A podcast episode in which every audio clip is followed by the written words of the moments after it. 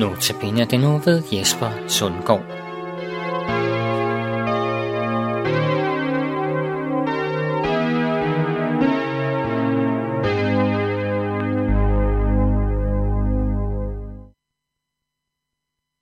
I dag er det den sidste andagt, som jeg skal holde her i Notabene.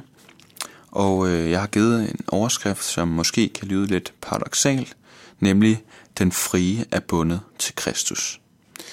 Vi har hørt meget om gode nyheder for de forskellige slags slaver, af alt hvad mennesker kan være slaver af.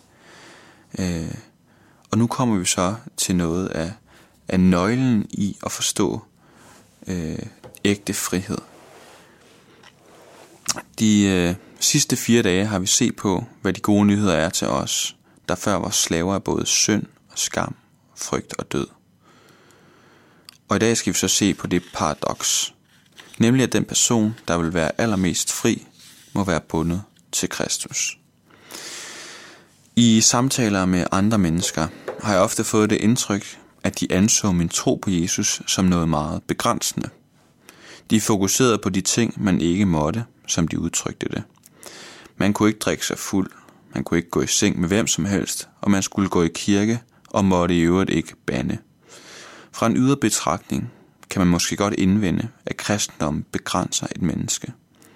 Men går man bare et spadestik dybere, finder man ud af, at der intet begrænsende er ved at leve med Jesus. Tvært imod. Jeg mener faktisk, det er et enormt overfladisk syn på kristendommen, der gør, at man kun ser begrænsninger.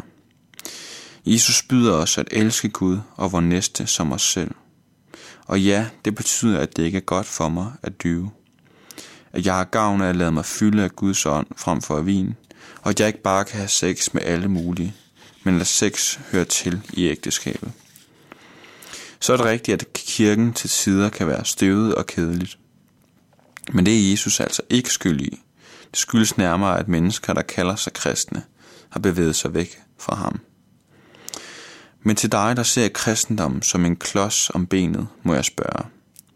Hvor meget ægte frihed er der i at være sin egen herre? I selv at sætte rammerne og følge dine egen lyster. Gennem livet kan et menneskes moralske synspunkter skifte meget.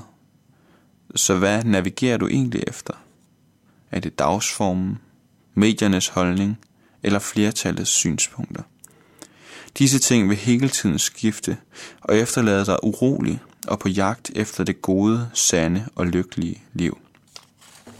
Jeg har mødt masser af mennesker, der styrede ud fra deres egne normer, som de enten havde fået fra deres forældre eller fra samfundet omkring dem. Og jeg bebrejder dem ikke noget, men de virkede ikke mere frie end mig.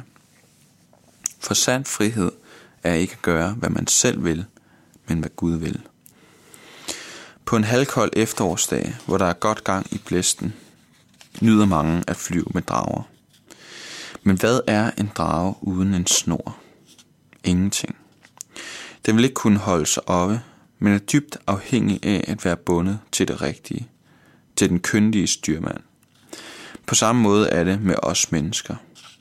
Hvor modsætningsfyldt det end kan lyde, så er der kun frihed ved at være bundet til Kristus. Det skyldes dybest set, at han ved bedst. Han har skabt himmel og jord. Han har skabt dig og mig. Og derfor må vi bare bøje os og sige, du ved bedst. At erkende, at den anden end mig ved bedst, er et hårdt slag for vores menneskelige stolthed. Men det er en nødvendig og frisættende erkendelse. Derfor kan du og jeg hvile i at være bundet til ham. I Bibelen taler Paulus utrætteligt om, at dem, der tror på Jesus, er i Kristus. Ikke nok med, at vi tror på ham, vi er meget tæt forbundet med ham. Så tæt, at formuleringen i Kristus dukker op igen og igen. I Kristus er vi befriet fra synden. I Kristus er vi nye skabninger. I Kristus er vi blevet velsignet med al himlens åndelige velsignelser. I Kristus er vi gjort til arvinger af Guds rige, og så videre. I Kristi død og opstandelse er vi knyttet helt tæt til ham. Vores gamle menneske dør, og vi opstår til nyt liv. Her på jorden i åndelig forstand, men i gang i fysisk forstand. At leve med Jesus og tro på ham, er altså ikke blot en forstandsmæssig tilslutning til teoretiske sandheder. At leve med Jesus er at vandre med ham, at være i ham, at have en relation til ham. Han ønsker, at du dagligt vender dig til ham i bøn og tak, at du lader dig forme hans ord til dig, og at du livet igennem stoler på ham. Gud viser dig en overvældende kærlighed.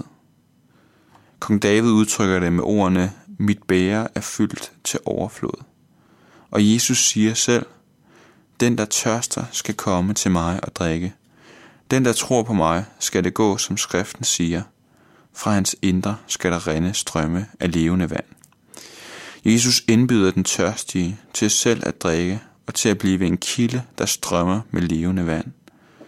For Jesus ved, at der er mange tørstige derude, der endnu tynges af synd, skam, frygt og død. Men han har kaldet dig til frihed. Hold ikke den frihed for dig selv, men lad Gud bruge dig til at lede naboer, venner, kollegaer, ja selv mennesker, du ikke kender, til frihed. For Jesus døde for alle, for at de, der nu lever, ikke længere skal leve for sig selv, men for ham, der døde og opstod for dem.